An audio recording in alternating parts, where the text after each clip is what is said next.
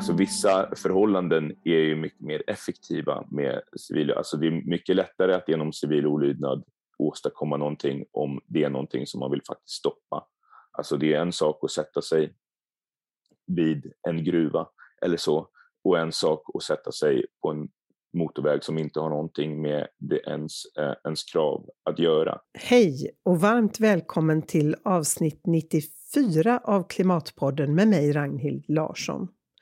Här får du möta forskare, aktivister, författare, journalister, psykologer, omställare och alla andra som på en mängd olika sätt engagerar sig för att mildra de allra värsta effekterna av klimatkrisen.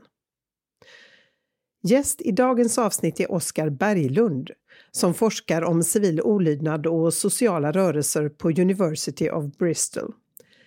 Han har bland annat skrivit en bok om Extinction Rebellion som kom ut 2020 eh, som heter Extinction Rebellion and Climate Change Activism där han och hans medförfattare går igenom XRs analys, strategi och taktik. Författarna menar bland annat att XR har en outvecklad och apolitisk syn på vilken förändring som är nödvändig för att hantera klimatkrisen. I augusti var Oskar med och skrev en artikel eh, i The Nature Climate Change Journal som argumenterar för att forskare bör göra fredlig civil olydnad för klimatet. Jag träffade Oskar på Zoom för att prata om hur civil olydnad kan påverka kampen för en beboelig planet. Vi diskuterade vägblockader, om det är vettigt att göra aktioner som stör vanliga människor eller om det är bättre att gå på fossilindustrin och politikerna. Om vad som egentligen får mediauppmärksamhet. Om hur sabotage kommer att bli en allt större del av klimatrörelsen.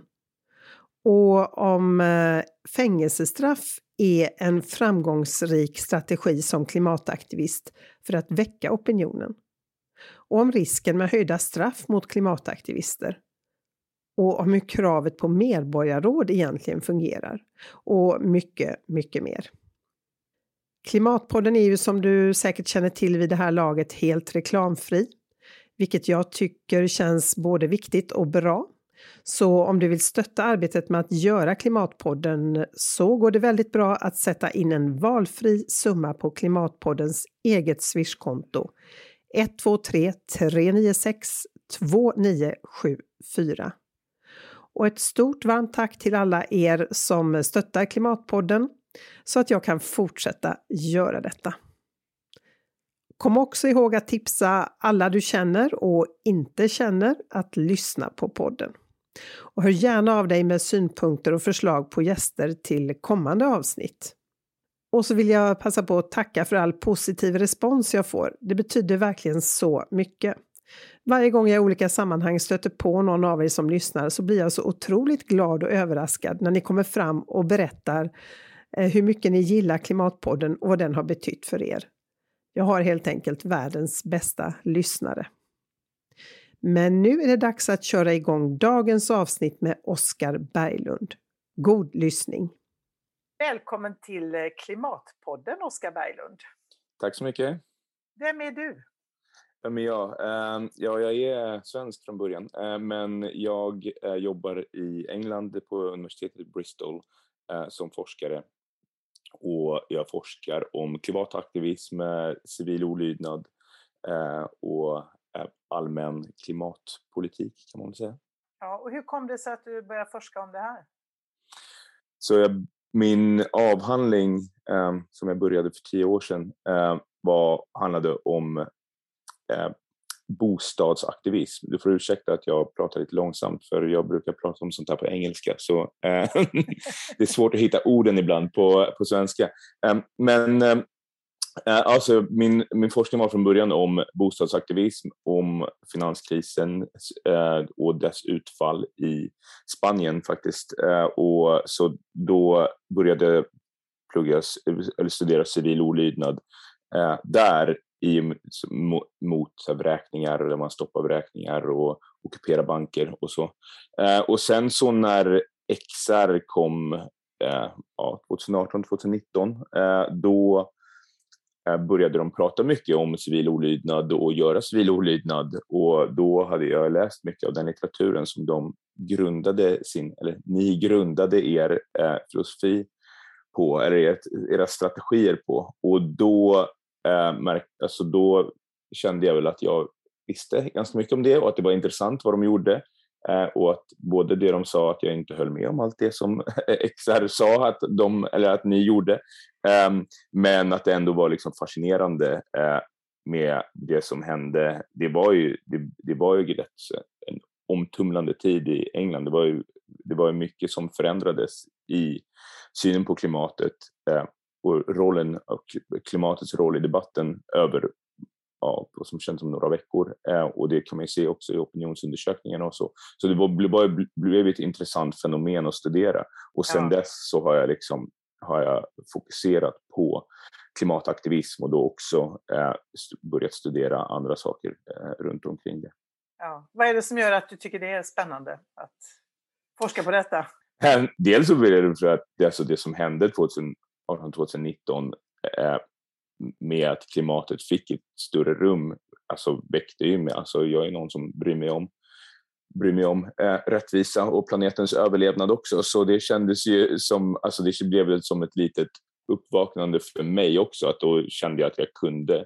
Jag var rätt så tidigt i min karriär så det var ju rätt lätt att byta, eller att byta lite bana på vad, eh, vad jag studerade.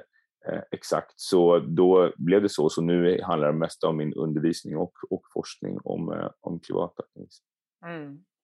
Vad ska man säga, vilken grundläggande fråga är det du ställer när det gäller då civil olydnad och klimataktivism och sådär?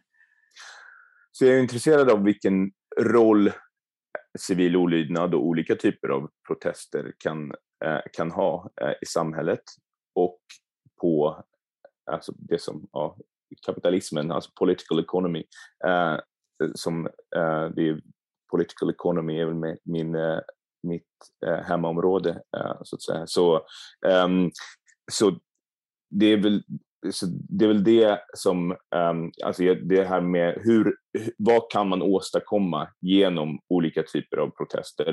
Uh, vad kan man inte åstadkomma under, ja, vad är det? det är mycket som sägs under de här det, det, är många som har väldigt starka åsikter om när det händer civil olydnad och inte minst de som utför civil olydnad har ju också väldigt stark tro och åsikter om det, eh, men väldigt starka reaktioner i samhället. Och det är förstås meningen att det ska ha starka reaktioner. Ehm, eh, så det, det, det tycker jag är intressant och sen ser jag alltså, förstås ser jag också vad det faktiskt har för utfall av, alltså vad, hur det förändrar klimatrörelsen och hur det förändrar klimatpolitiken eh, mm. i det här fallet. Mm. Eh, varför, vad skulle du säga, vilken roll spelar då civil olydnad i klimatkampen? skulle du säga? Uh, så det har ju spelat, alltså, det har ju spelat en stor roll i den här, alltså i den vågen av klimataktivism som uh, har varit uh, under, ja, sen, sen 2018. Um, och kanske framför allt innan pandemin. Och sen så har det ju kommit fler grupper efter pandemin eh, i England med Just Stop Oil och Insulate Britain. Eh, men de har, det har varit mindre nummer, men de har ju ändå fått här i, i Storbritannien väldigt stor genomslag i medier och så. Det är mer än vad de har fått i många andra länder. Mm. Eh, så ehm, det, det, det är intressant hur det har ändrat opinion och eh, alltså salience, eh, alltså uppmärksamhet för eh, vissa eh, frågor. Så till exempel alltså Insulate Britain som be, blev väldigt ja, hatade i eh, England kan man säga när de, eh, när de eh, satte sig på eh, motorvägar och så. Ehm, lyfte ändå fram den här frågan om att eh, vad heter det, isolera? Just det, isolera. Ja, isolera eh, hus. Eh, som, som sen eh, då blir en stor politisk fråga. Och det var inte så att det var, in, det var inte så att de som visst, visste saker om, om brittisk miljö och energipolitik och så inte visste om att det här måste göras. Det är klart att de visste det, men det var inte så att allmänheten liksom var, stod, såg det som att, att, att isolera hem som en stor fråga. Eh, men så men då, då, blev det det. Eh, alltså det blev någonting som folk var väldigt medvetna om. Eh, så, eh, det, och det, det, är något intressant där, att även om, om, de som, att, om själva protesterna är väldigt opopulära och, blir, och väcker väldigt starka motreaktioner eh, så, så kan det ändå ha en positiv effekt eh, på, eh, på, på debatten. Men sen så är det väl så att det har alltså det får ju mindre och mindre effekt. Man får mindre, alltså diminishing returns. Så att man gör en sak som får ganska stort genomslag, så till exempel det som XR gjorde i London 2019 och sen så försöker de liksom göra det igen och då får det mindre genomslag. Eh, och så, mm. så det, och det har ju liksom alltså med nyhetscykeln att göra också eh, och hur medierna och folk reagerar eh, på, på det man gör. Så i England så kan man säga att det är de som har hållit klimataktivismen vid liv i medierna. Det är mindre de här riktigt alltså, stora mittenmedierna som alltså BBC um, ehm, uh, eh, och Times och så kanske, utan mer de som ligger lite mer extremt mot liksom högerkanten. Så mer, um, ja, mer högermedia och vänstermedia, men det finns lite färre av dem. Uh, men det är de som liksom, så, det är de som skriver mest om klimataktivismer och då, liksom, klimataktivism och då gör de väl det för att liksom väcka, eh, väcka motstånd men, men, eh, och ja, få klick. Men för att det är någonting som gör, gör deras läsare arga och tittare och lyssnare arga. Men eh, samtidigt så blir det ju då så att alltså, klimataktivisterna får ju rum i medier på ett sätt som de kanske inte har fått så mycket i alla länder. Nej. Men det måste väl spela roll hur media skriver, tänker jag. För att eh, jag menar, ibland så upplever jag att, eller ganska ofta har det varit så att man skriver om att vad som händer. Nu sitter ett antal människor på en motorväg, eh, de blockerar trafiken, det här och det här händer. Men ganska sällan så lyfter man kravet, eh, om det nu är Insulate Britain eller återställ våtmarker eller någonting annat. Eh, så jag tänker, mm. Eh, har, liksom, leder det till verklig Ja, du säger att det har lett till att man faktiskt har uppmärksammat frågan mer om att isolera de brittiska väldigt dragiga husen. Till exempel. Eh, så det är klart det är det. Och det var väl en, och det är väl en nackdel med Extinction Rebellion för att det är ganska svårt att, alltså det, det finns ingenting som säger i Extinction Rebellions namn vad det är man vill åstadkomma. Eh, men med återställ våtmarkerna, jag antar att återställ våtmarkerna var liksom att man emulerade Insulate Britain där, för det var ju någonting som de gjorde då, att det, man använder ens krav i namnet på, på organisationen så att det blir eh, rätt, så, eh, rätt så uppenbart. Så det är klart att det blir automatiskt en del. Just det. Men sen så, alltså om, som man om man blir tillfrågad som klimataktivist eller expert eller så att, att prata om eh, de här protesterna när de kommer, då, är det också, då ligger det ju på de, er, mig att, att föra in den i debatten när man, när man är med i intervjuer. Så det ser jag ofta till och, och göra då också till exempel så att eh, man använder så alltså andra politiker. Och där kan, man ju där kan jag tycka att, nu, jag följer inte den svenska debatten så jättenära, men jag kan tycka att eh, eh, svenska politiker på miljö och vänsterkanten inte alltid har varit så bra på att använda det, det rummet som ges av aktivister. Även om man inte behöver liksom omfamna aktivisterna och så, så kan man använda rummet som görs av att, eh, av att de här frågorna kommer in i debatten eh, på, ett, på ett bättre sätt. Eh, och det kan som sagt göras både av de aktörerna, alltså av aktivisterna själva och av en massa andra, att det kan skapa rum, eh, rum i debatten. Hur skulle de kunna använda det rummet? Det gäller att, att man försöker, alltså det är en taktik från sociala rörelser att man liksom har en mediestrategi. Eh, att man för över debatten från protesten, från det man gör till det man vill faktiskt prata om. Eh, det är ingenting nytt, det är någonting som alltså sociala rörelser har gjort eh, och försökt göra eh, länge. Ehm, och ibland så är det svårare och ibland så är det lättare. Ehm, jag såg, jag var i Sverige i somras, jag såg ett inslag från när Återställ våtmarkerna gick upp på, på scenen på Allsång på Skansen.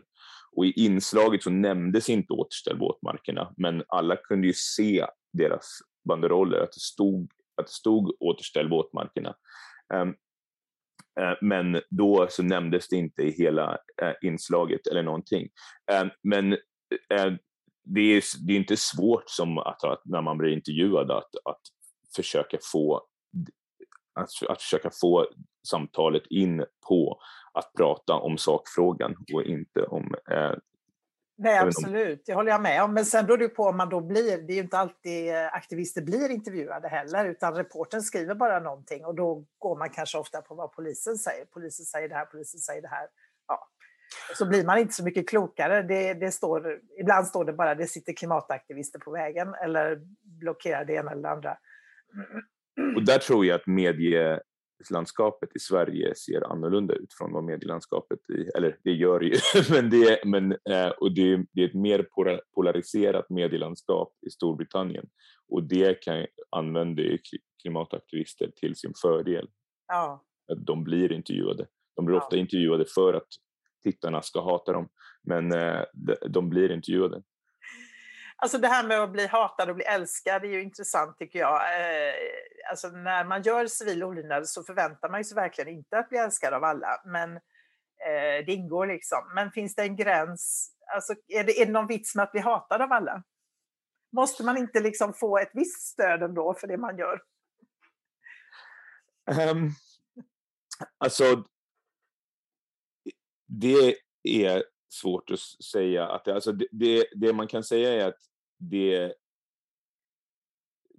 den gränsen, om det finns en sån gräns, eh, alltså man kan tänka på rörelser i, i historien som har liksom blivit försvagade av att de har blivit allmänt hatade. Det kan ju, framförallt så blir det ju svårt, till exempel om man, alltså man måste ju ha folk som vill komma med i en rörelse. Så om man har, om, du, om, om, om, om, om 99 procent av befolkningen eh, hatar den, då är det ju inte så många som kan, kan tänka sig att gå med, gå med i rörelsen. Eh, men alltså populariteten för de här rörelserna i, eh, i Storbritannien var, alltså från Insulate Britain och eh, framförallt var alltså jätteliten. När man tittar på opinionsundersökningarna så var, det, alltså, oer, var de oerhört opopulära. Men det som är viktigt att tänka på där, det är att det är ändå inte någon som vänder sig emot det, alltså det som är kravet. Det är inte så att, nej, precis. Det är inte så att det är folk som tidigare tyckte ja men eh, vi återställer våtmarkerna, det är en jättebra idé och sen så ser de några som sätter sig på vägen och vill det och då säger de nej, jag gör inte det för jag blir irriterad på de här nissarna som sitter och som sätter sig på vägen. Så jag tycker att det, det är dåligt och och, och äh, minska utsläppen eller äh, vad som helst. Alltså, så, så funkar inte folk egentligen, även fast det är många som säger, säger att äh, det gör det. Så det är, ehm, och det har de mätt med Just Stop Oil så var det några som mätte opinionen på de här frågorna om olja och alltså, vad heter det? förnybar energi, heter det så? Ja. Eh, innan och efter eh, Just Stop Oils eh, aktioner i, i mars och april ehm, tidigare i år. Och då så, det, det sig inte. Så Nej. då har man inte, då har man ju å andra sidan så inte det så, så eh, roligt för aktivisterna eftersom man inte faktiskt har åstadkommit så mycket eh, i, eh, i, i, opinionen. men å andra sidan så är det ju alltså bullshit att det, att det skulle vända folk emot det man, eh, eh, det man vill. Så den största faran är väl i så fall att man inte lockar till sig folk till, eh, till att bli klimataktivister om man blir alltför opopulära. Mm. Nej, det är inte så kul att bli hatad av väldigt många. Jag har själv suttit och modererat sådana här kommentarsfält. Det är ju alltså, man blir mörkrädd kan jag säga. Mm. Och där stöter man ju faktiskt på de här som ändå säger, och det är säkert någonting de bara säger för att de beter sig som tre, liksom trotsiga barn, att ja, nu bara för att ni gör det här så kommer jag att köra min SUV lite extra. Eh, jag kommer att flyga så mycket jag bara kan och så vidare. Va? Men det är ju mest ja, någon sorts retorik de använder sig av på en ganska låg nivå. Så. Ja, absolut. absolut. Mm. Eh, alltså, skulle du säga att det finns forskningsbelägg för att civil olydnad fungerar när det gäller eh, klimat och miljö och ekosystem? För att... Alltså, bara, att, bara att titta på vad som har hänt de senaste fem åren så kan man ju se eh, alltså effekt av protester på olika ställen. Sen så civil olydnad, alltså vissa förhållanden är ju mycket mer effektiva med civil, alltså det är mycket lättare att genom civil olydnad åstadkomma någonting om det är någonting som man vill faktiskt stoppa.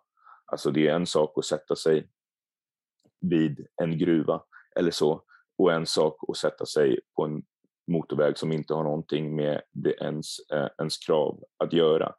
Mm. Um, så, uh, och som är då, um, alltså, då handlar det ju, då kommer man ju mer in och pratar om, alltså, heter det direktaktion? Just det. Ja. Um, Eh, så alltså direktaktion är ett, mycket, är liksom ett större, uh, större begrepp som omfattar mer än vad kanske civil olydnad gör. Och då, alltså, om man har ett, om man har någonting fysiskt som, som man vill ja, stoppa är det oftast med det, alltså det händer ju jorden runt hela tiden, att man använder sån, den typen av civil olydnad eller direktaktion för att stoppa ja, eh, vad heter det, extraction, alltså ja, eh, brytning av kol eller något, kolgruva eller? Ja, precis, brytning, ja, eh, eller? gruvor eller eh, alltså fracking eller eh, oljeutvinning. Ja. Precis, eh, så det är ju, det är ingenting nytt. det är ju någonting som eh, inte bara miljörörelsen utan det som händer då det är att man, kan, att man bygger liksom, länkar mellan miljörörelsen och um, eh, ofta alltså de som bor någonstans. Och det är ofta då eh, alltså ursprungsbefolkningar som har gjort det, men in, alltså inte bara. Uh, jag menar, i England med fracking så var det ju, uh, stoppade de i fracking, även om då nu den nyblivna premiärministern eh, uh, vill, vill påbörja det igen, så lyckades man ju stoppa fracking genom, um, genom de här protesterna och då var det många lokala, alltså lokalbor som inte ville ha jordbävningar eh, och, och, så som eh, gick, så att eh, man som anslöt sig till de här protesterna som blev då en, ett samarbete mellan miljöaktivister och, eh, och lokalbor. Så så, under sådana, det finns ju länge, eller, och det, alltså det har ju på något sätt alltid säkert eller funnits på under, under en väldigt lång tid. Um, kanske till och med århundraden, men jag brukar inte titta eh, så, eh, tillbaka så långt i tiden.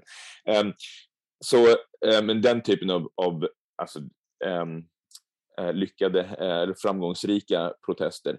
Eh, men sen så det här mer när man liksom stoppar allmänheten så kan ju det ha en effekt, men det är väl, alltså, och det har ju haft en, på vissa saker, så man kan ju se, alltså i England så var det väldigt tydligt då, eh, alltså april 2019 att XR faktiskt åstadkom saker. De fick ju en, ett liksom medborgarråd, även om det medborgarrådet inte var eh, så som de, eh, de ville ha det. Eh, de, parlamentet utlyste en alltså, ehm, klimatnödläge. Klimat, klimatnödläge, precis. Ehm, och eh, det kan man diskutera hur effektivt det är också, men någon form av effekt har det ändå, har det ändå haft.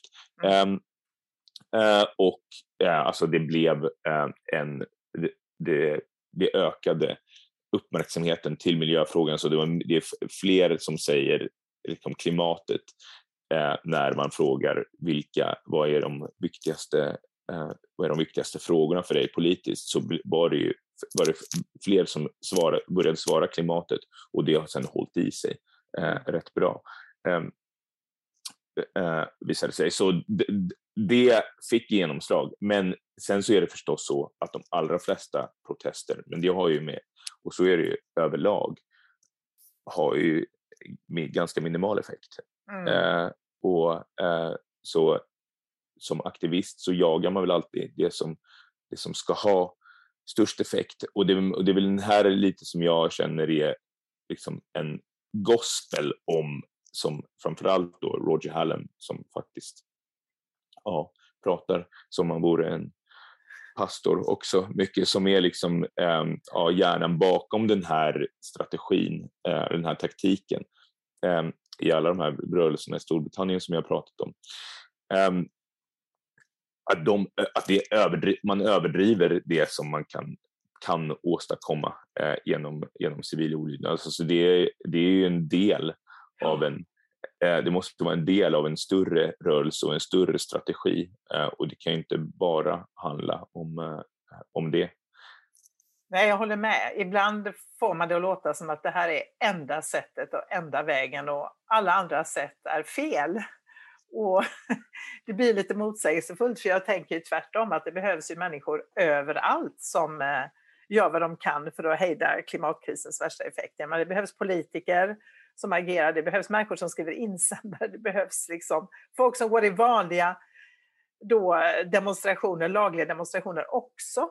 Alltså förutom civil olydnad. Eh, och åtminstone i Sverige så är det ju tycker jag man märker att, alltså vi är ju inte så vana vid civil olydnad jämfört med till exempel Frankrike och säkert England också. Jag känner till det lite dåligt hur det är där, men eh, alltså det, det, så, jag, så jag undrar lite också hur stor roll spelar kontexten? Alltså man måste ju ändå, vi har ju mycket i Sverige kopierat vad som har hänt i England och så försöker vi köra exakt samma koncept, men det är inte riktigt säkert att det funkar, tänker jag. Nej, och det har ju inte haft samma genomslag i Sverige.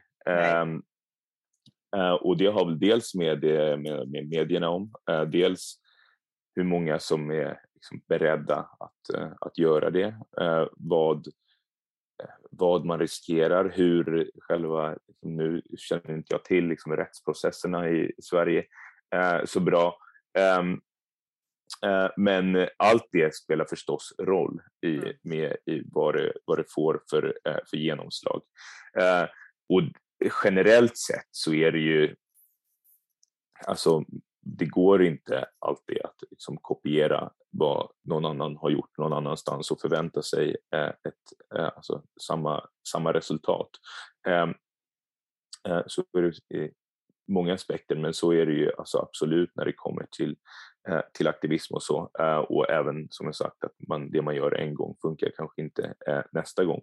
Ehm, och så då får man väl också tänka som, alltså, vad, vad riskerar vi genom att göra det här och vad, eh, alltså, vad, vad utsätter vi aktivister oss för då? Är det med att, att göra sånt och är det värt det för det som vi vill det som vi vill åstadkomma. Och då är det som du säger att i vissa länder så finns det en större kultur att göra det. Det är, mindre, det är ett mindre steg eh, att, mm. eh, att göra sådana grejer. Eh, det finns ja, det olika vad man löper för eh, risker eh, med att eh, göra det och det är som sagt väldigt olika med vad det kan få för, för, för effekter. så jag har jag vågar inte säga så mycket om det svenska läget för att jag följer inte så noga. Men, men visst är det andra omständigheter än vad det är här. Mm. Eh, jag ska backa lite till vägblockader för det är någonting som diskuteras mycket då inom framförallt XR skulle jag säga. Det är väl framförallt XR som ägnar sig åt det.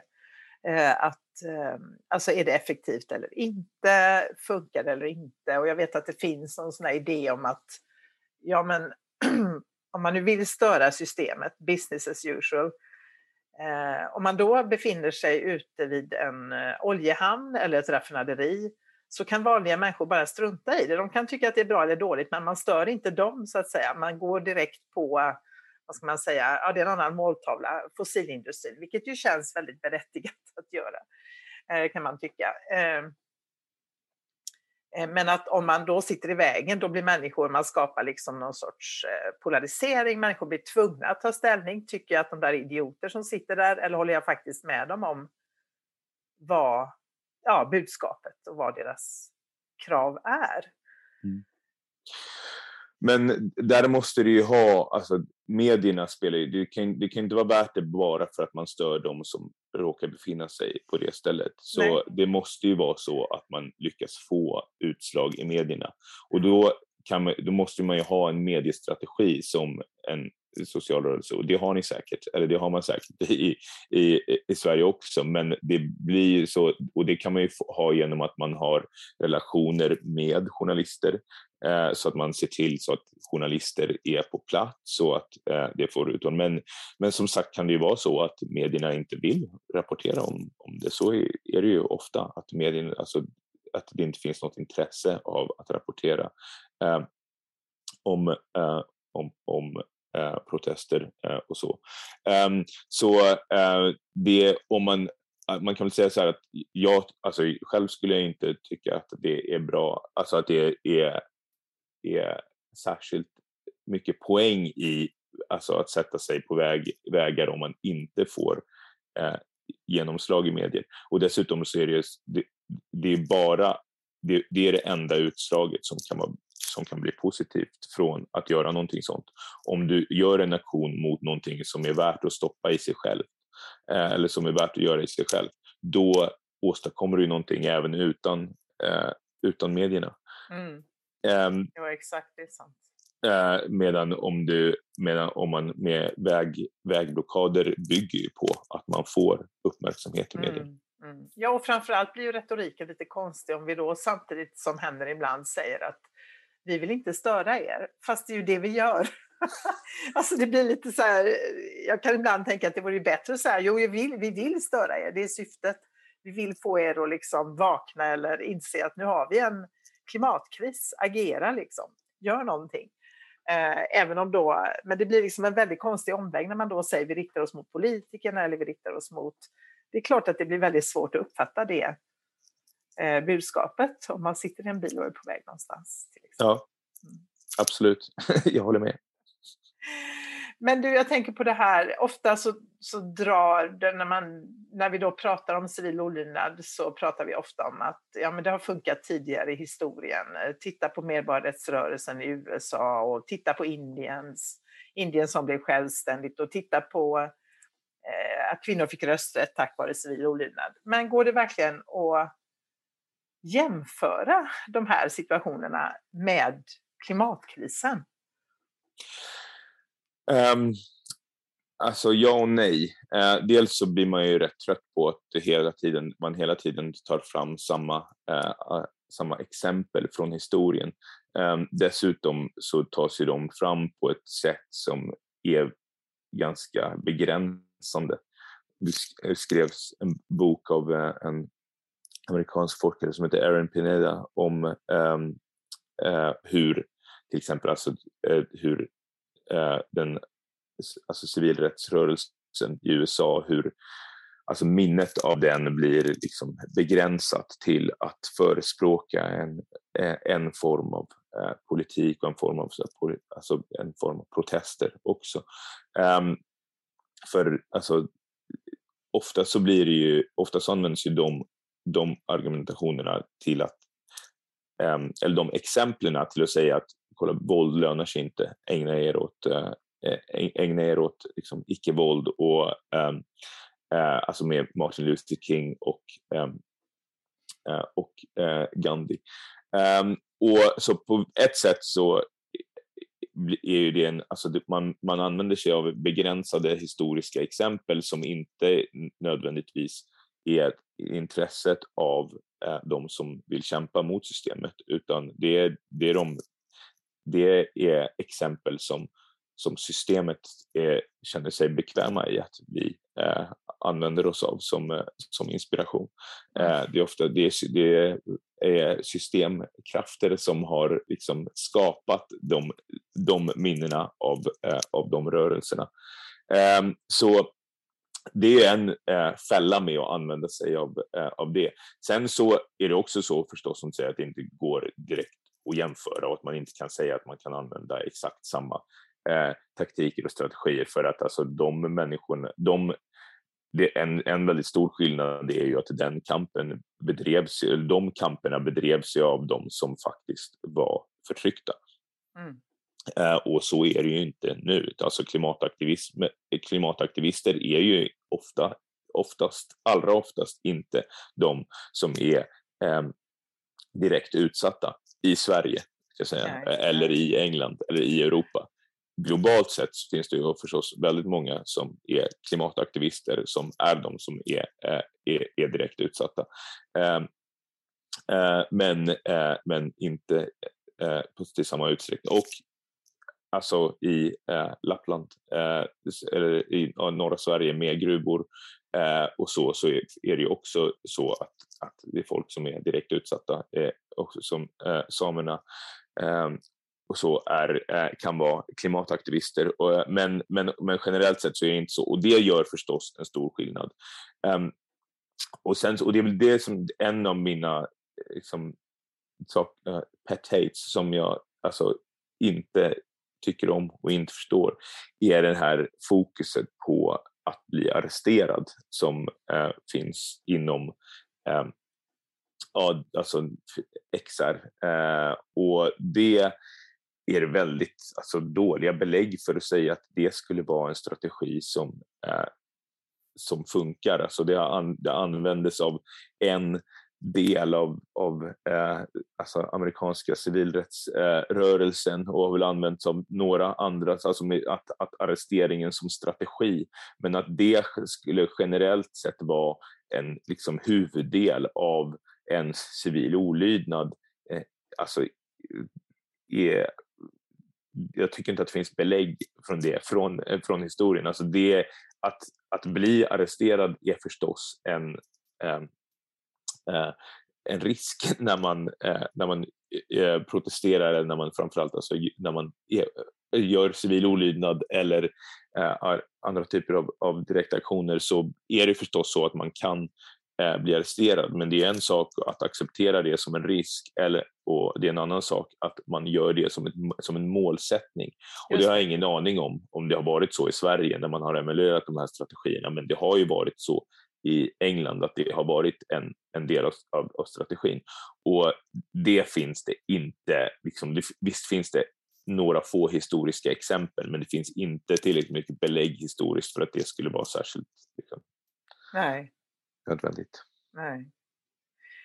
Um Nej, jag vet jag läste i någon av de här böckerna var det This is an uprising tror jag möjligen, om någon som hade suttit aktivist, jag tror hade ja, skadat någon oljeledning, oljepipeline eller ja, på något sätt och satt tio år i fängelse och kände bara att det här var inte alls värt det. Alltså det var liksom, fanns inget, det, det förändrade ingenting bortsett från att hon kastade bort tio år av sitt liv. Eh, och så vill man ju helst kanske inte ha det om man ska ägna sig åt aktivism man gör förhoppningsvis större nytta på utsidan. Absolut, absolut. Och då, det, så om man tittar på då, eh, olika liksom, litteraturer och eh, alltså, eh, ehm, traditioner, politiska traditioner, så eh, den här alltså, liberala traditionen av civil olydnad är ju mycket mer att vi ska göra det här öppet och vi, liksom, mm. vi ska mm. acceptera konsekvenserna. Eh, medan en mer anarkistisk tradi tradition av, eh, av alltså direkt aktion eh, är ju inte så. Eh, utan skulle då säga att ja, vi gör absolut mer nytta på, eh, på utsidan. Så liksom ska vi eh, alltså, och då det har det också med liksom, alltså, om man vill bli men den liberala traditionen har ju då varit bättre på att, att liksom bli mer accepterade av samhället. Alltså man kan ju få mer eh, eh stöd kanske om man är liksom öppen med vad man gör, om man är då alltså conscientious, eh, än eh, om man gör det till exempel med mask på eller, eh, eller, eller så. Ehm, men ehm, Eh, och det är också någonting som alltså jag har studerat med och se vad de här olika liksom, traditionerna och eh, tankarna om hur, hur man ska göra det är, har vad de har för inflytande på eh, miljörörelsen och till vilken, till vilken effekt. Ja. Har du något svar där då? Vad funkar bäst? ja, men det är väl mer att alltså, man blandar vad man, eh, vad, vad man gör eh, och eh, att den här legit att, att viss legitimitet som kan komma från att man är öppen med eh, vad man gör ehm, kan ju kan ju ge bredare stöd men att det blir alltså kostsamt för aktivisterna. Alltså att, att acceptera eh, det. Mm, mm. Eh, jag vet ju att Andreas Malm är ju kritisk mot bland annat hur vi också beskriver eh, civil olydnad som så fredlig och inte våldsam. Och så tar han ju fram exempel genom historien där liksom det faktiskt inte har varit så otroligt fredligt i kampen. Då. Eh, vad tänker du om det?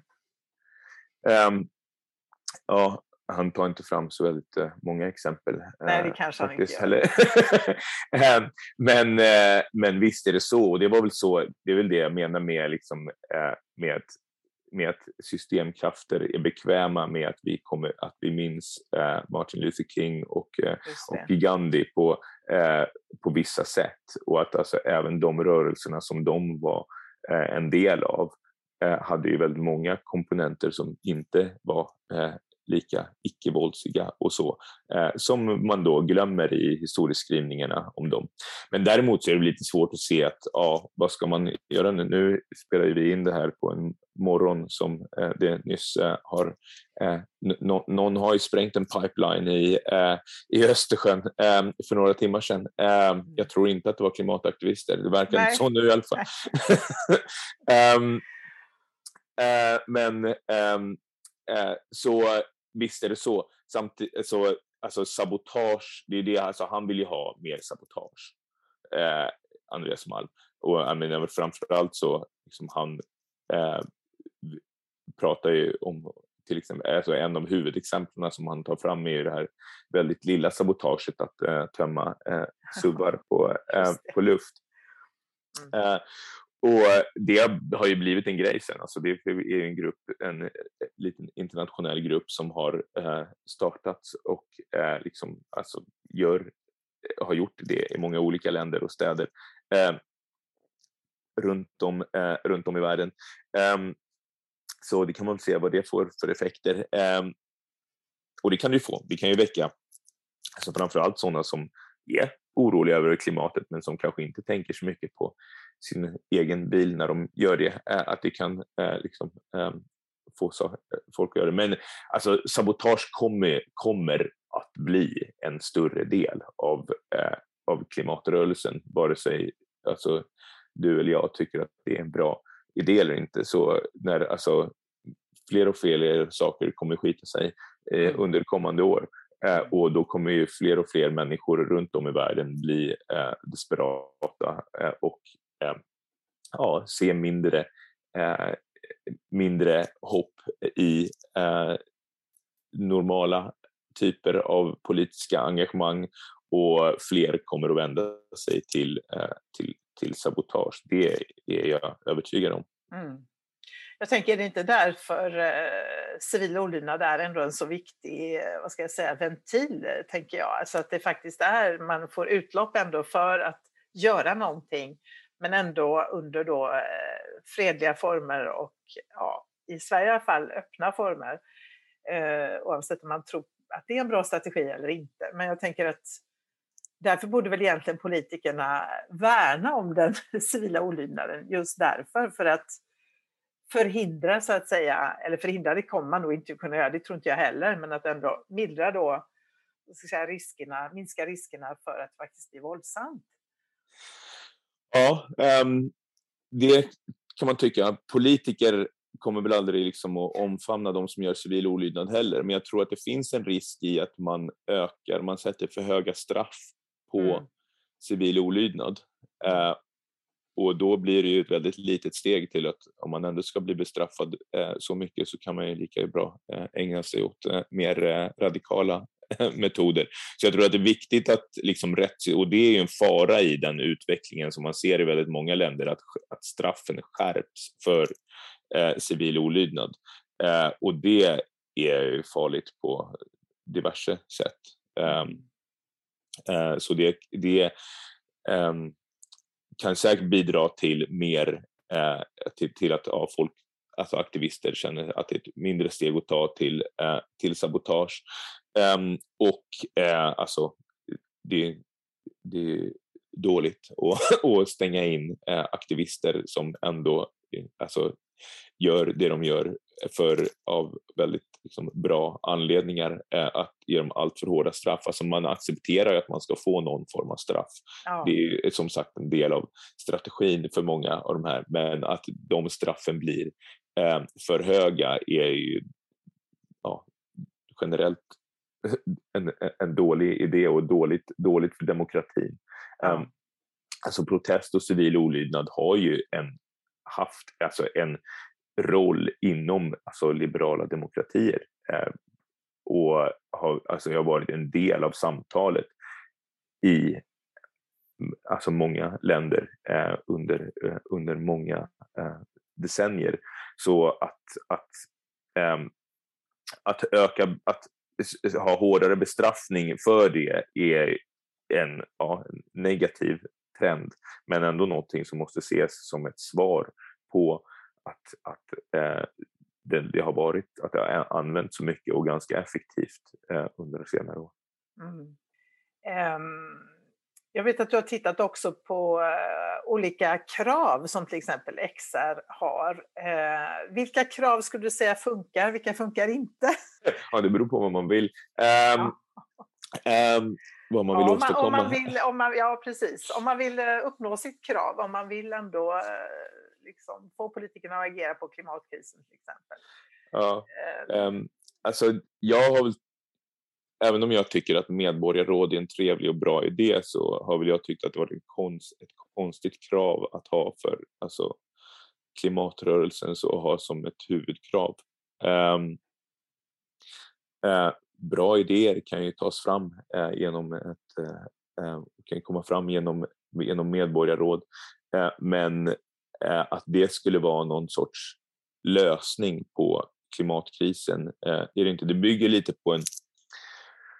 Alltså om man analyserar alltså klimatkrisen, att, den, att, att det är våra demokratier som är liksom representativa demokratier som är um, vad heter det?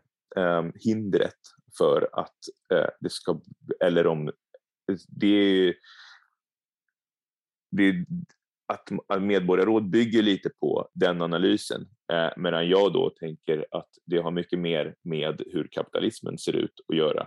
Eh, och våra demokrat, demokratiska system är en del av det, men det är de inte. Så, alltså, eh, så XR då har ju varit alltså, uttryckt alltså att de inte ska vara eller antikapitalistiska, eh, till exempel. Eh, men att de vill ha de här medborgarråden. Och det har väl jag tyckt varit alltså, fel väg att mm. gå. Eh, för att alltså, problemet eh, som jag ser det ligger framförallt i, i kapitalismen och, och hur de maktstrukturerna inom kapitalismen fungerar och inte framförallt inom hur, hur våra alltså demokratier är, är uppbyggda. Um, Eh, Eh, så det är väl en så, och då har jag alltså att det blir ett, så när det var några klimataktivister i, eller XR här i England som de gick in i parlamentet eh, när det var tomt, eh, men för eh, några veckor sedan med huvud, alltså kravet med, eh, med medborgarråd. Ehm, och då kommenterade vi också det med att det var ett, alltså folk fattar ju inte, folk vet ju inte vad medborgarråd är. Eh, Nej, det så, är ett problem. så det, det blir det så om man, ska, om, om man ser Insulate Britain som ett bra exempel om att här har vi ett krav som är glasklart vad det är för någonting, eh, så blir det att kräva medborgarråd är väldigt oglasklart. Alltså det blir Eh, det är inte så många av dem som ser det som faktiskt fattar eh, vad, de, eh, vad, det, vad, vad Nej, det handlar om. Det kräver lite grann en föreläsning nästan, att förklara vad ett medborgarråd är. Och eh, för er som lyssnar så eh, kan jag ju länka till en liten föreläsning om det. Det finns också ett poddavsnitt med Sanna Gottby som pratar om medborgarråd. Men är inte lite grann tanken, tänker jag, att ett medborgarråd till exempel skulle kunna komma fram till att, eh, att eh, det är det kapitalistiska systemet som inte funkar. Alltså vi måste ändra det. Det blir liksom smygvägen, så, eller bakvägen, så, inte smygvägen, men bakvägen så kommer man åt det. Därför att det blir så uppenbart att det här funkar inte. Vi kan inte fortsätta med det här. Alltså, jag tycker att det är oerhört naivt att tro att det finns smygvägar och bakvägar till att krossa kapitalismen. som skulle, som skulle eh, att, att eh, de maktfulla krafter i samhället eh, skulle gå med på att det sätts upp ett medborgarråd som skulle ha en sån makt att det kan avskaffa kapitalismen, mm. tror jag är oerhört naivt. Därmed inte att jag att alltså, alltså medborgarråd är, bygger på eh, alltså, bra tankar om hur dem, alltså, demokrati eh, kan fungera. Det, då, det, är, alltså, det finns det ju gott belägg för. Mm. Eh, däremot inte, tror inte jag att det kommer att spela någon stor roll i hur, man, hur vi tacklar klimatkrisen. Mm. Eh, men du säger då till exempel Insuate var ett eh, exempel på ett bra krav och tydligt krav. Men har det lett till någon faktisk förändring? Så det förutom, där är jättesvårt. Förutom medieuppmärksamheten då? Ja, det där är, det är jättesvårt att se och så är det ju alltid. Det är jättesvårt att se och dra, dra direkta samband mellan en viss aktion och sen alltså utfall i politiken. Um, Eh, så det, därför kan man ju mycket lättare titta på opinion och så, hur många som... Men, men det vi vet är att det var mycket fler människor som fick reda på att, att, isolera hem var, är jätteviktigt för eh, att Storbritannien ska minska sina utsläpp. Um, det kan göra, alltså, um, vad heter det, energy efficiency, energi, vad heter, vad heter Effektivitet. Effekt ja, effektivitet, så energieffektivitet uh, är en jättestor del av hur Storbritannien kan, kan sänka sina, sina utsläpp.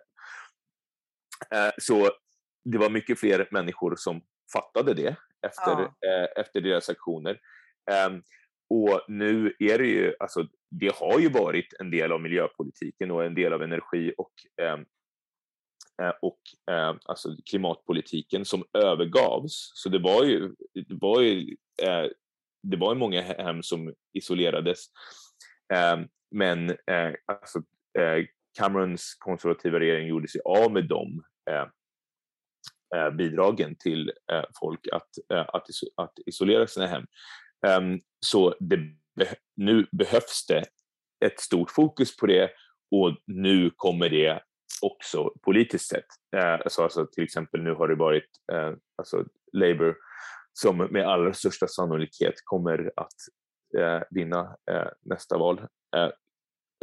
Har, gick, har nu på deras konferens gått ut med att vi vill isolera 19 eh, miljoner eh, hem eh, eh, i, i, i Storbritannien ehm, under en väldigt kort tid det är klart att frågar du dem vad, vad, som er, vad, fick, vad fick er att göra det här så kommer inte de säga att ah, men det var de som satte sig på vägen och, och, och, och, och sa att vi skulle göra det.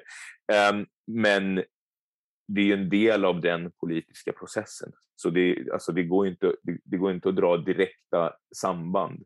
Men, eh, men eh, det har ju blivit, alltså sen de gjorde det så har det ju ändå blivit en, en hetare politisk fråga och någonting mm. som eh, det finns mer gehör för. Eh, sen om det bara berodde på det, det, det går inte att säga det, går inte att säga det men, men, men, det, men det är tokigt att säga att det inte har spelat någon roll eftersom det ändå lyfter frågan. Mm. Så om jag förstår det rätt så är det bättre med vad ska jag säga, mer eh, specifika, konkreta krav eh, som ändå går att vinna på något sätt än de här lite mer allmänna, tala klarspråk, äh, agera nu. Ja, absolut. Mm. Så är det definitivt. För att och det har ju också den här, och, och då XR stängde in sig i ett med, och det är någonting som medborgarrådskravet gjorde också, för att då säger man ja, men det är medborgarrådet som ska bestämma allting som vi vill göra, men det är, alltså, vi vet ju massa saker som måste göras. Mm. Eh, det är inte så att vi behöver vänta på ett medborgarråd som ska berätta det för oss, utan vi vet ju en massa saker som måste hända. Eh, och vi vet en massa saker som måste hända och som skulle vara väldigt bra för folk också i allmänhet om det, eh, om det, eh, om det, om det, om det händer, alltså här och nu. Um, som till exempel det här med att, uh, att isolera hem. Um, uh, så sådana krav uh, är, är, är bättre, alltså att sånt, sånt som alltså, man kan få genomfört är, Eh, är bättre. Alltså, nu var det ju ändå så att alltså, XR åstadkom någonting med de här kraven, så det var det här med att agera nu och så, det var ju alltså, det, man, jag ska inte, alltså, um, säga att det var, de var helt meningslösa, men, uh, men det är ju, alltså med, med direkta aktioner generellt sett så är det ju ändå så att alltså en av anledningarna att de kan vara bra är att de kan åstadkomma någonting här och nu och det är en väldigt stor del av, vi pratade om olika traditioner, det är en väldigt stor del av den eh, av den anarkistiska traditionen om direkta aktioner, att man ska åstadkomma någonting eh, här och nu eh, faktiskt. Men eh, skulle du säga att det är bättre liksom att, eh, för, för som jag sa, det är ju hela tiden en diskussion förstås, eftersom vi aldrig kan veta innan vad kommer leda till resultat, det är jätte, liksom, vad kommer verkligen att ge effekt. Alltså vägblockader kontra att gå, för det är ju en ständig diskussion, jag vet att den förekommer i England också, alltså gentemot att gå direkt på måltavlor som politiker eller fossilindustri till exempel. Um, men som sagt, så, alltså, jag eh, eh, sa innan att eh, vad kan man vinna genom en speciell aktion och eller genom en enskild aktion? Och det är ju alltså att vägblockader funkar ju bara om du kan få genomslag i medierna. Det är den enda poängen med vägblockader. Och då verkar det krävas att man sitter på en motorväg. Det räcker liksom inte att sitta och verkligen skapa störning och, eh, och så. Alltså det, att, att bara sitta på en väg in i en stad där man lätt leder om trafiken, det leder väldigt sällan till speciellt mycket medieuppmärksamhet om man inte är jätte, jätte, jättemånga. Mm. Nej, absolut. Nej.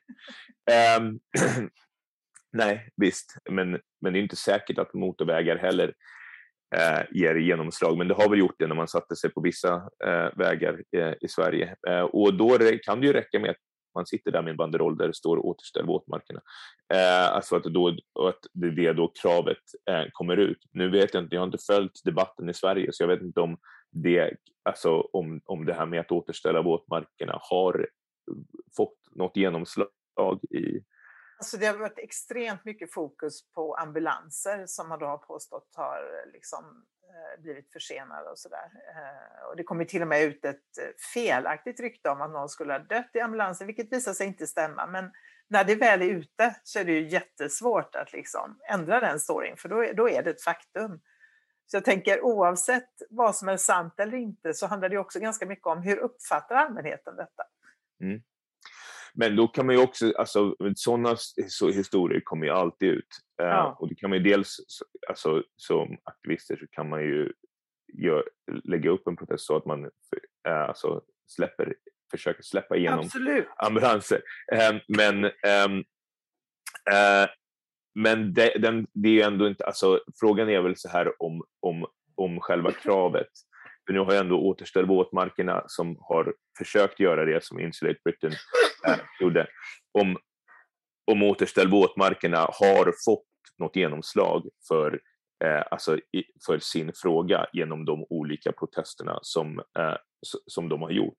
Eh, då måste man ju, för att, för att få, reda, få svaret på det, då måste man ju kolla på dels alltså opinionsmätningar och mm.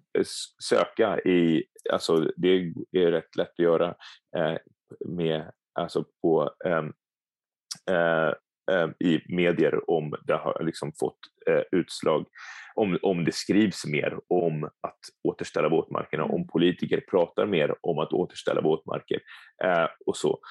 Um, de, i, igen, alltså nu kommer vi tillbaka till det här med, det här med ambulanserna handlar ju om hur populära själva protesterna är. Men det, och det kan, man kan ju ändå få ett bra resultat eh, om, om det skulle vara så att återställa våtmarkerna, att, att återställa våtmarker blir en politisk fråga som det kanske inte var innan. Men jag vet inte om det har varit fallet.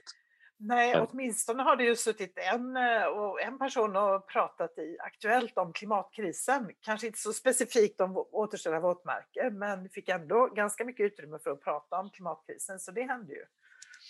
Eh, men det är också ett lite absurt kan jag tycka då att det är det som det krävs liksom, att du sitter på en motorväg och riskerar då ja, de har ju blivit häktade flera stycken och nu väntar rättegångar. Ännu har ingen blivit, jo någon blev villkorligt, villkorligt dömd till fängelse. Eh, men det, det flertalet har inte varit i rättegång ännu, men det är på fredag tror jag. Eh, eh men det är lite absurt att det liksom ska krävas kan man ju tycka för att alltså det är på något sätt medialogiken ser ut som. Och det är lite deppigt. det är så. Ja, det är deppigt. Eh, men eh, det är väl det som är liksom alltså ehm, direktaktion och alltså, eh, civil olydnad kan ju komma med, alltså man behöver inte man behöver ju färre personer för att få genomslag. Alltså det, det är det som är ja. um, uh, alltså det är en av, en av liksom, de lockande faktorerna med det. Att liksom, du, du kan ju få större genomslag med fem personer som sitter på en motorväg än en halv miljon som går och demonstrerar. I, eh, I ett vanligt demonstrationståg? Ja. ja. Eh, så eh, då... Eh, och så man behöver ju ett mycket färre, betydligt färre antal aktivister men som är beredda att, eh, att ta större risker.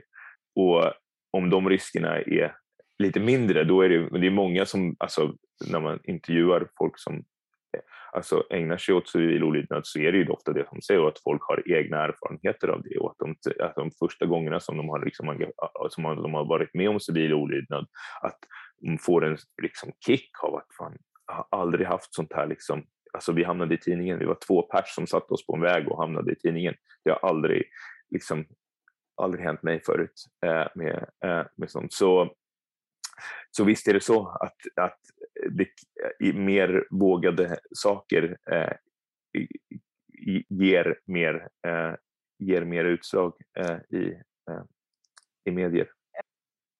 Hur får vi fler att bli engagerade då? Att våga göra civil olydnad? För det är ett väldigt stort steg för många och jag brukar säga att det är väldigt lätt att glömma sin egen process. Och att hade någon sagt till mig för tio år sedan att jag skulle göra civil olydnad hade jag bara skrattat och sagt att det skulle jag inte tro. Eh, men när man väl har tagit det steget så tycker man inte att det är så märkvärdigt. Eh, men jag undrar liksom, hur får vi fler att...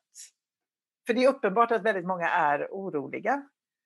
Eh, för klimatet menar du? Ja, precis, för klimatet. Ja. Och, och, många håller ju på på individnivå, liksom att sopsortera och flyga mindre och äta vegetariskt och så vidare. Men hur får vi fler att engagera sig? Att ta steget ut på gatorna? Um, ja, uh, det kanske du vet uh, mer om än vad, än vad jag vet om. Uh, men, um, um, men man kan göra klimatpoddar om det till exempel. Ja. Eh, eh, men eh, alltså det är ju en, alltså, att prata om det och att alltså, man gör, att det är en, det är en, jag, jag, det slog mig faktiskt när jag var i somras i Sverige att väldigt många eh, som jag träffade och på vänsterkanten och så kändes väldigt främmande för att göra det eller att ens stötta eh, er eller grupper som um, eh, som gör det och det ser kanske lite annorlunda ut i England att det är ändå, även om det är många, det är, inte, det är säkert inte en större andel som skulle ta steget eller som tar steget och göra det, men jag tror det är en större andel som är tämligen positiva till fenomenet att, eh, mm. äh, att äh, med, med civil olydnad. Um, så um, ja, alltså att man pratar om det, men att då man, man um, gör det utan de här löftena om att det här är det man man gör. Men, alltså, men att man upprätthåller, alltså att man fortsätter att göra civil olydnad, alltså, det är ju, alltså, det är en del av det politiska samtalet, det skapar rum. Eh, så att, att, att få in, det kommer ju aldrig vara en, alltså man, jag tror det är svårt att få en, det kommer inte vara en massrörelse att sätta sig på, eh, på, på motorvägar.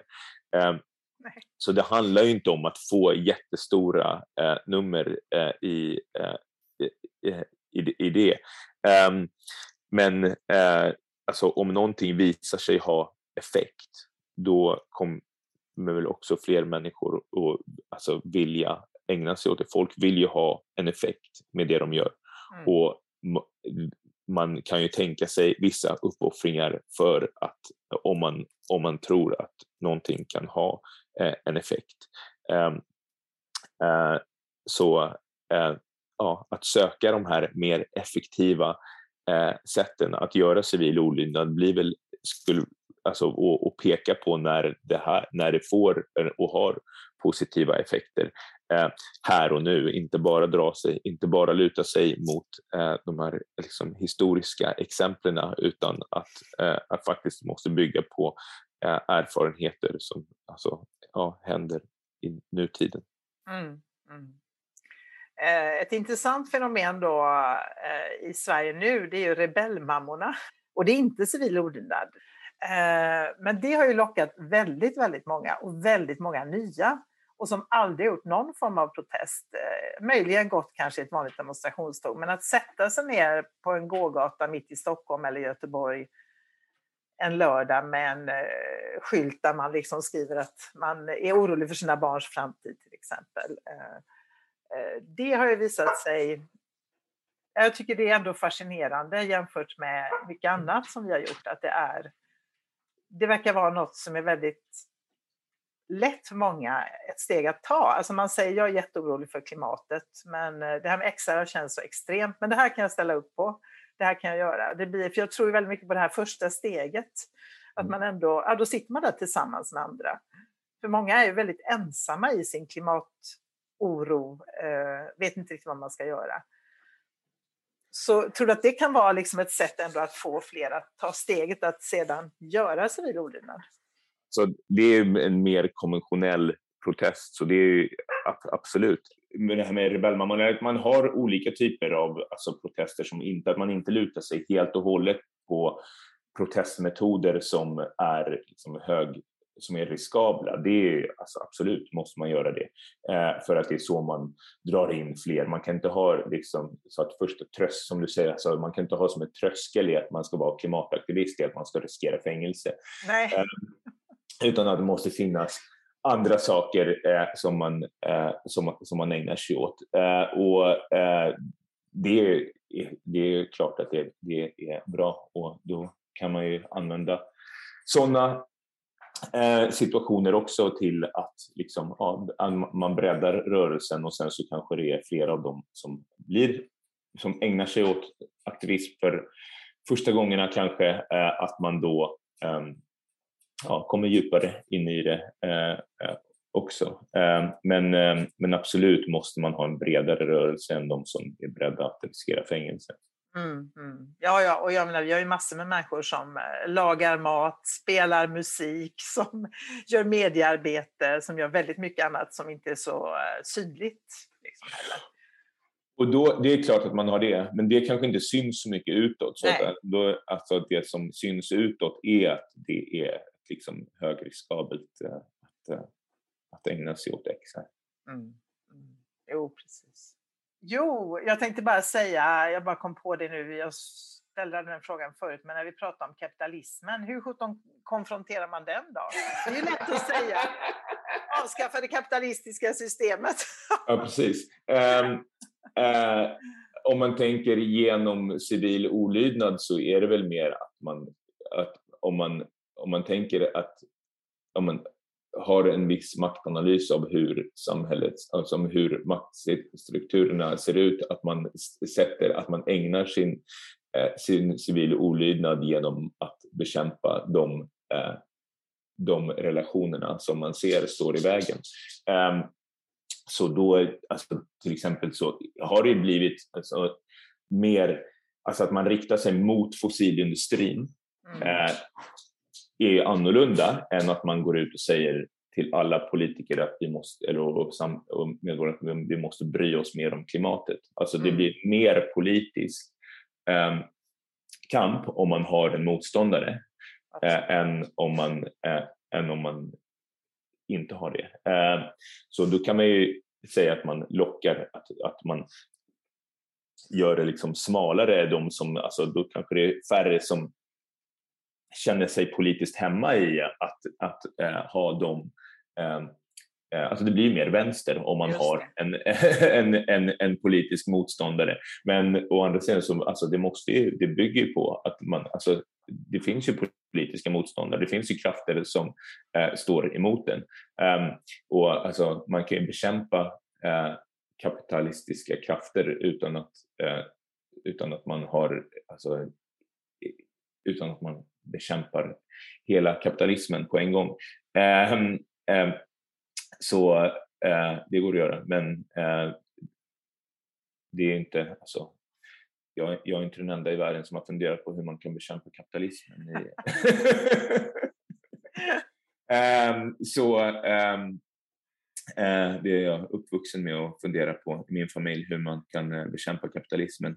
Ehm, men, ehm, eh, men som sagt, så om man, tänker på det i, relation till civil olydnad är det väl det att man har att man ställer in sig på oljeindustrin. Liksom, så att det är den liksom, huvudsakliga politiska motståndaren och det behöver man ju inte ens vara liksom, antikapitalist för att fatta att, att, det, är, eh, att det är oljeindustrin som eh, är i vägen.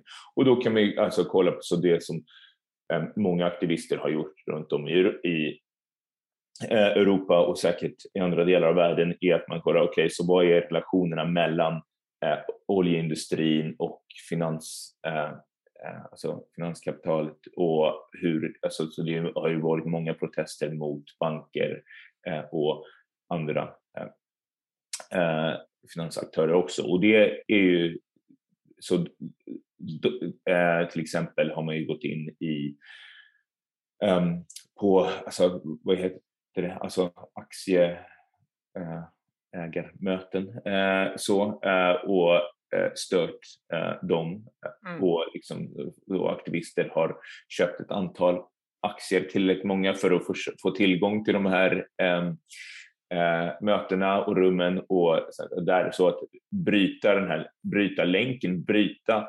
bekämpa makten som, eh, som oljeindustrin har eh, som kan göras eh, kan man rikta det genom politiker eller mot dem och så, eller som eh, mot alltså banker som stöttar dem och alla olika typer av institutioner. Så alltså, jag som jobbar på universitet, alltså, nu har det varit en kampanj mot att, liksom, att man vill eh, alltså förbjuda oljebolagen att, att eh, ha ehm, eh, att vara med på olika mässor på universiteten och så, så att man inte, man inte ska få rekrytera, mm. på, ehm, ja, rek rekrytera eh, arbetare, personal från, mm. eh, från universiteten eh, och så. Så att alltså alla de här olika sätten där oljeindustrin är, eh, är där och en, är en normal del av samhället.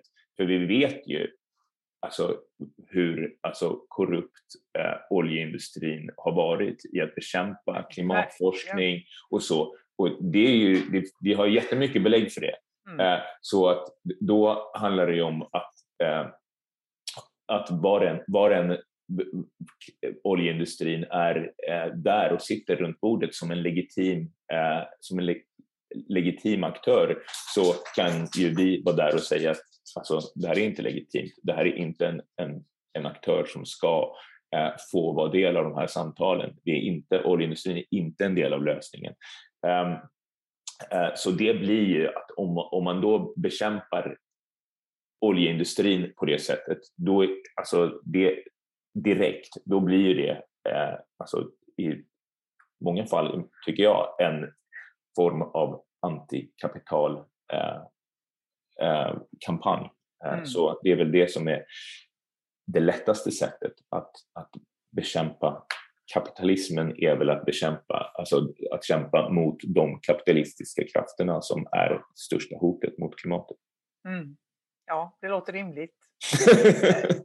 Du, eh, jag vet ju också att du har skrivit lite grann om det här med forskare som engagerar sig i eh, klimatet. Då. Vi har Scientist Rebellion till exempel, alltså forskare som går ut och gör civil olydnad. Vilken roll kan, eh, kan de spela?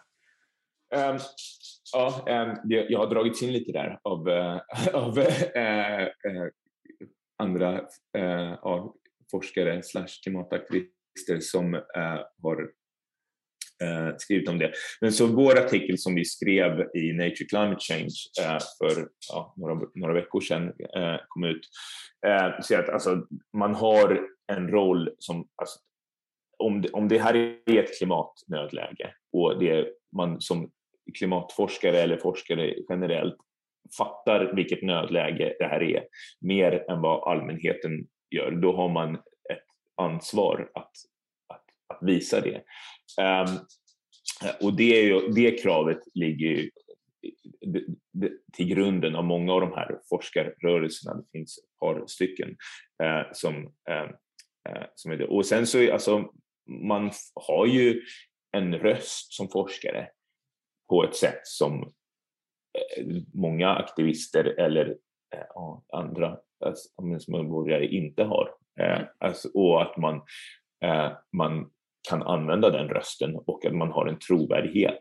Eh, och att det då ligger, alltså att man har en sorts skyldighet att, att använda den, eh, den trovärdigheten.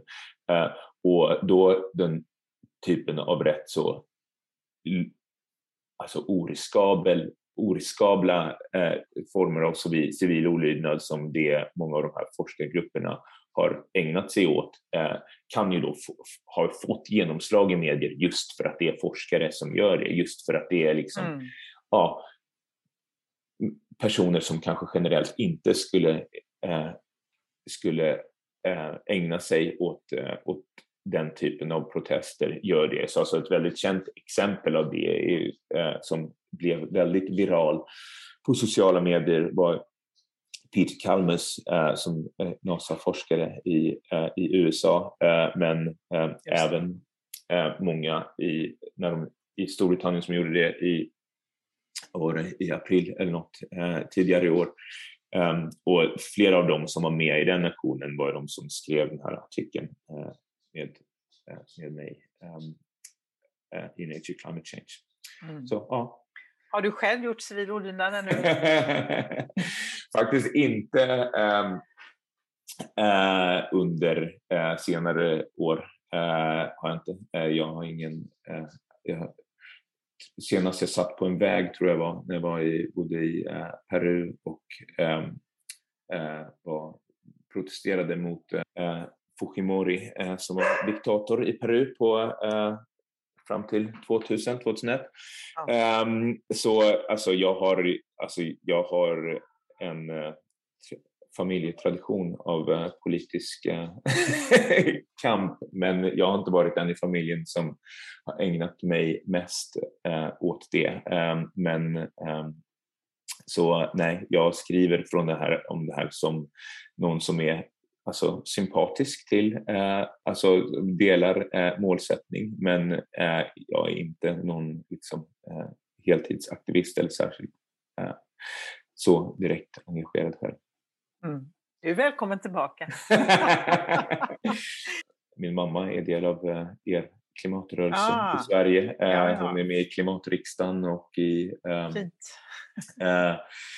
Eh, XR också tror jag. Eh, Gunilla Berglund heter hon, hon var psykolog. Ja. psykolog. Eh, och eh, alltså, min pappa är peruansk revolutionär eh, som kom till Sverige som eh, flykting på 1973 eh, och sen åkte tillbaka. Men eh, han, eh, Hugo Blanco heter han. han Eh, ehm, eh nu väldigt gammal. Min syster, eh, eh, halvsyster Carmen Blanco har varit väldigt eh, engagerad i eh, ehm, med samerna och så i Sverige också och i, med eh, ursprungsbefolkningsrörelser. Hon är alltså peruan. Och Maria, eh, min helsyster, hon har varit eh, engagerad i olika saker också.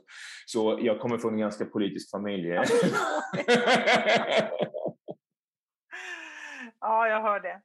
Mm. Du, till sist undrar jag, vad är det som eh, driver dig att uh, hålla på med det här? Vad är det som får dig att fortsätta?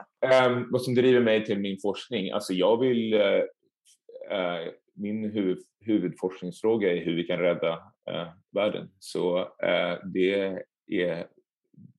Jag, och genom min forskning så vill jag hjälpa folk som också ägnar sig åt att, eh, att eh, rädda världen och, och på ofta ja, mer engagerade och riskabla sätt än vad, än vad jag gör. Så eh, ja, jag vill göra, skapa forskning och undervisning och ehm, engagemang i medier och så som ja, stöder kamp för att rädda världen utan att gå in med alldeles för starka eh, åsikter om vad som är rätt och fel sätt att, att göra det och ha en ganska alltså, öppen inställning till eh, vad, som kan åstadkomma, vad som kan åstadkomma vad. Eh, så ja, mm. det. Mm. Låter bra. Tack för det. Stort tack för att du var gäst i Klimatpodden. Det var jättespännande att sitta här och prata med dig. Eh, vi får göra om det någon gång snart igen. Det, var, det finns mycket att prata om. Absolut. Tack så mycket. Tack.